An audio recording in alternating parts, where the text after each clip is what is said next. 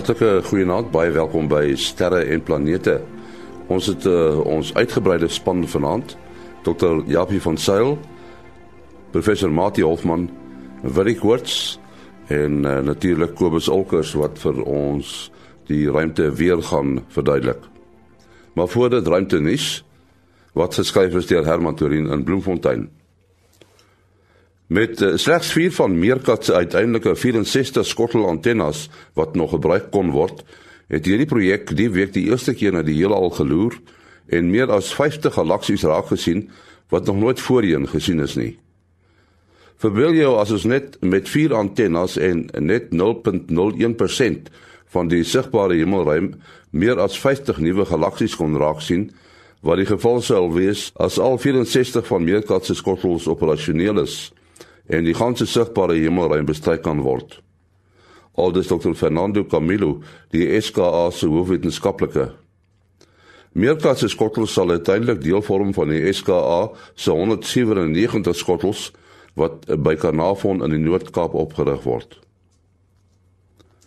Lewe is moontlik op 'n planeet 1200 ligjaar weg van die aarde en 40% so groot soos die aarde. Die planeet Kepler 62f is in 2013 ontdek, maar wetenskaplikes het pas vasgestel dat dit moontlik lewe kan onderhou. Hulle het 'n model gebruik om te bepaal of dit 'n rotsplaneet is en of water in vloeibare vorm daarop kan bestaan. Hulle glo die model kan met vrug op ander planete ook gebruik word. Deur die model kan data bepaal word oor 'n wye verskeidenheid faktore wat die leefbaarheid van 'n planeet bepaal iets wat andersins nie moontlik is nie omdat bestaande teleskope dit nie kan bepaal nie. Tot sover ruimte nuus dan wat geskryf is deur Herman Torin in Bloemfontein. En nou Kobus Olkers in Florida, Amerika met son weer. Kobus. Goeienaand en nee, goeienaand luisteraars. Ja, ons son begin so stadig aan stil raak. Dit lyk vir my asof uh, asof die al die kompleksiteit nou begin so stadig gaan begin ontspan. Dis natuurlik nou weer voor hy met die volgende klomp begin. So kom ons kyk wat gaan hierdie week aan. Ons het 'n filament wat geo-effektief is. Dit lyk vir my asof hy nogal redelik onstabiel kan wees. Hy kan dalk hierdie kant toe kom. Maar ek glo nie hy gaan enige groot probleme veroorsaak nie. Die enigste mense wat dit gaan agterkom is die mense wat met mag, met magnetometers uh, na die aardse magneetveld kyk. Dan het ons 'n koronagatjie bo op die kroon van die son wat glad nie geo-effektief is nie. Uh nog 'n ene wat hier so teen maandag aand, dinsdagoggend se koers sal geo-effektief raak. Hy kan so 'n bietjie die die frekwensies uh onstabiel maak vir ons uh, kortgolfluisteraars en kortgolfkommunikeerders. Wat magnetiese areas aanbetref, onstabiele areas aanbetref, is die son daar's 4 of 5 van hulle, maar hulle is almal so klein dat hulle geen effek sal hê nie. Dit lyk ons ook nie asof daar enigiets is wat van die agterkant van die son af ons gaan inroteer nie. So ek dink ons kan met 'n redelike groot veiligheid sê dat 'n eh, dat dit 'n redelike stil week behoort te wees en ons behoort geen sterings te ervaar van ons internet of elektrisiteit of enige so iets nie. Sê dankie aan Kobus Olkers in Florida, Amerika. Dis gewoonlik eerste Sondag in die maand het ons vir Dr. Japie van Sail van die Jet Propulsion Laboratory in Pasadena, Kalifornië en ons het ook vir Willie Quartz van die SAAO en uh, professor Mati Hofman van uh, die digitale planetarium die Universiteit van die Vrystaat en die Boyden Sterrewag. Nou voor ons gesels oor uh, uh, Juno wat uh, in Julie maand vroeg in Julie maand by by Jupiter aankom, wil ek net uh, Mati so 'n bietjie gesels oor die ekstreme temperature wat mense daar buite in die ruimte kry.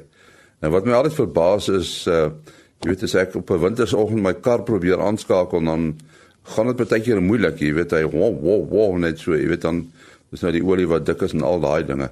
Maar as so 'n uh, stuk toerusting, elektroniese toerusting aan sulke geweldige lae temperature blootgestel is, wonder ek hoe kry hulle dit reg dat dit werk? Nee, ja, eerstens as as ons nou praat van lae temperature, as mens daar uh buite in die ruimte is, ver van uh ander voorwerpe en jy sou nou in die skaduwee wees sodat die son nie direk op jou skyn nie, weet dan is die temperatuur van die ruimte is baie baie laag. Ek dink 'n dis in 'n omgewing van minus 270 grade Celsius wat die gemiddelde temperatuur van die van die heelal is. Uh maar natuurlik as die uh, son nou direk op jou skyn en jy's na genoeg aan die son, dan gaan die son nou die kant van die toerusting of die ruimtetuig wat na hom toe kyk nou weer uh redelik warm maak. Miskien het hulle ook vir die planete naby aan die son dat die een kant baie warm is en die ander kant baie koud. So dis baie ekstreme omstandighede vir enige toerusting en materiale. Nou as jy nou by die elektroniese toerusting kom, dan is ons gelukkig vir vir Willie ook hierso want dit is nou sy spesialiteit. 'n Groot deel van die elektronika is gebaseer op halfgeleier materiale en die elektroniese eienskappe van materiale is uh, temperatuur afhanklik. Wel, dan is ons nou baie ver van die tipiese operasionele temperature. Maar gelukkig kan jy selfs al is jy nou in die diep ruimte, het jy nou termoelektriese verhitters uh, tipies of dalk 'n radioaktiewe bron wat vir jou hitte gee as gevolg van die hitte wat deur die uh, radioaktiewe vervalreaksies gegenereer word wat dan help om jou uh, temperatuur te reguleer uh, sodat dit binne die die bedryfs interval is. Weet uh, elektroniese toerusting sal tipiese spesifikasie hê wat sê dit werk van sê nou maar minus 5 grade tot by 40 of 50 grade. Wat wat daardie spesifikasies betref uh, sal ek graag wil hoor uh, ek dink wil jy gaan dit goed ken? En natuurlik Japie self vir die ingenieursouens Ja, elektroniese komponente aan die een kant soos Martin nou genoem het, hou eintlik van koue want hulle elektroniese geraas raak minder. Mense uh, wat uh, vir jong mense sal weet as jy jou uh, hi-fi se klank heel oop draai wat hulle altyd doen, dan uh, kry jy gesuis uh, by die by die luidsprekers. As jy nou nog nie op stadium is nie, kan jy maar sê of as jou uh, CD speler nou nog nie aan is nie. En daai gesuis is eintlik elektroniese geraas en dit kan jy verbeter deur dit af te koel.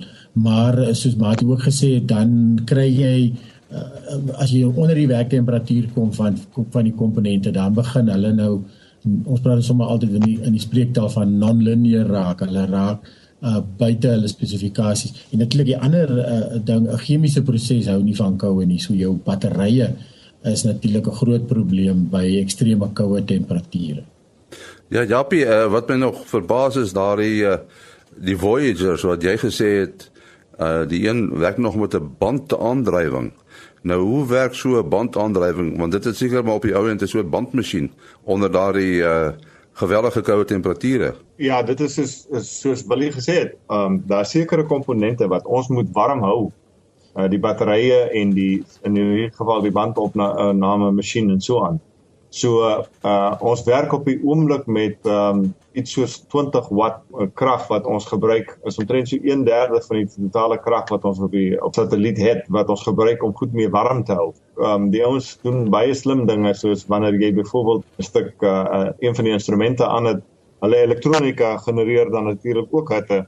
En dan gebruik ons daai hitte om te probeer om uh, soveel as moontlik van dit te gebruik om die om die batterye en die en die bandopname masjien en so aan warm te hou.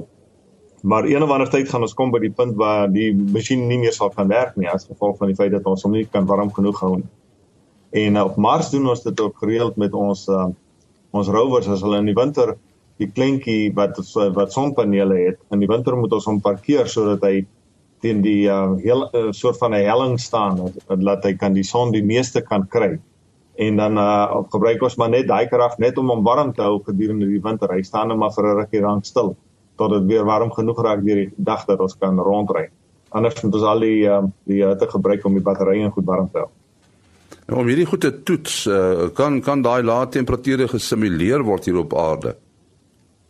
Ja, ons simuleer baie lae temperature hier in in ons um, toets uh, kamer sal ek maar sê dit is so groot kamer. Ons gebruik uh, vloeibare stikstof uh, om die goeders mee af te koel. Ehm um, en dan kan jy redelike lae temperature so minus 150 grade of so kan ou hierso ehm um, vir kort tye natuurlik kan ons dit ehm uh, genereer hierso en dan toets ons ons, ons stelsels daar binne. Nou wat wil jy gepraat het van die batterye? Dis nog 'n uitdaging, nê? Nee? Ja, dit is 'n groot ding op ons satelliete, veral die die wat na die buitenste ruimte toe gaan en as ons nou dink aan byvoorbeeld as ons 'n lander op die oppervlakte van Europa, die maan van Jupiter gaan neersit. Uh die temperatuur daar is ongeveer so 50 Kelvin wat beteken dis so minus 220 grade Celsius of so op die oppervlakte. So daar gaan ons redelik probleme hê om om dinge warm te hou, uh batterye en so aan. So 'n groot gedeelte van ons krag en wat ons daar gebruik is basies om die toerusting warm te hou, nie om om die metings te doen en so aan. Nou kom ons beweeg na die gebeurtenis vroeg Julie wanneer Juno by uh, by Jupiter aankom. Uh, hy's nou taamlik of relatief naby aan Jupiter. Hoe weet julle hoe ver hy van Jupiter af is, Japie? Ons uh, meet elke dag die uh, tyd wat dit neem vir 'n sein van ons af na die satelliet toe en terug. So ons weet presies tot 'n uh, breekdeel van 'n meter hoe ver ons uh, die, die um, satelliet van ons af is. En uh, dan bereken ons natuurlik ook die swaartekrag aantrekking op die satelliet. En uh, vandag is nou die dag wat die swaartekrag van Jupiter begin oorneem oor die van die son. So tot tot dusver was die son nou die grootste invloed op uh, op Juno gewees. Maar van vandag af is die swaartekrag van Jupiter nou sterker. Hoe weet julle dit? Uh, uh weet julle dit uh, as gevolg van die afstand? Nee, nee, een van die groot ehm um, dinge wat ons met uh, met die sending probeer meet, uh, terloops die naam Juno uh vir die mense wat so 'n bietjie die mitologie bestudeer, uh was natuurlik die vrou van Jupiter. En Jupiter het, het homself mos in 'n soort van 'n kleed toegevou dat mense nie kon sien wat se soukigheid hy aanvang. maar Juno is die enigste persoon wat deur die kleed kon sien. So dit is hoekom ons hierdie uh, satelliet Juno genoem het, want ons probeer deur die kleed wat om Jupiter, die die wolke en so en wat om Jupiter is, te sien hoe lyk Jupiter aan die binnekant. Daar's twee groot dinge wat ons probeer verstaan van Jupiter. As jy van 'n afstand af meet, lyk dit asof die gasse wat in Jupiter voorkom dieselfde is, min of meer dieselfde is as wat in die son is. As 'n mens dit nou in ag neem, dan is die teorie dat Jupiter moes baie baie vroeg gevorm het, omtrent dieselfde tyd as ons son. Maar ons weet nie wat die binnekant van Jupiter uh, uh, is nie, of hy 'n uh, uh, soliede kern het of hy 'n uh, kern het soos die aarde wat solied is buitekant en dan binnekant gesmelt is. So een van die metings wat ons met hierdie satelliet doen is om die swaartekrag te meet en die swaartekrag baie akkuraat te meet. So ons het instrumente op die satelliet wat kan meet wat die swaartekrag aantrekking is en en hoe sterk dit is en van watter rigting dit afkom. Met ander woorde, jy kyk na die lesing van die instrument om te weet dat uh, Jupiter se swaartekrag nou oorgeneem. Ja, dis reg. Dit is hoekom ons weet vandag dit het dit gebeur vandag.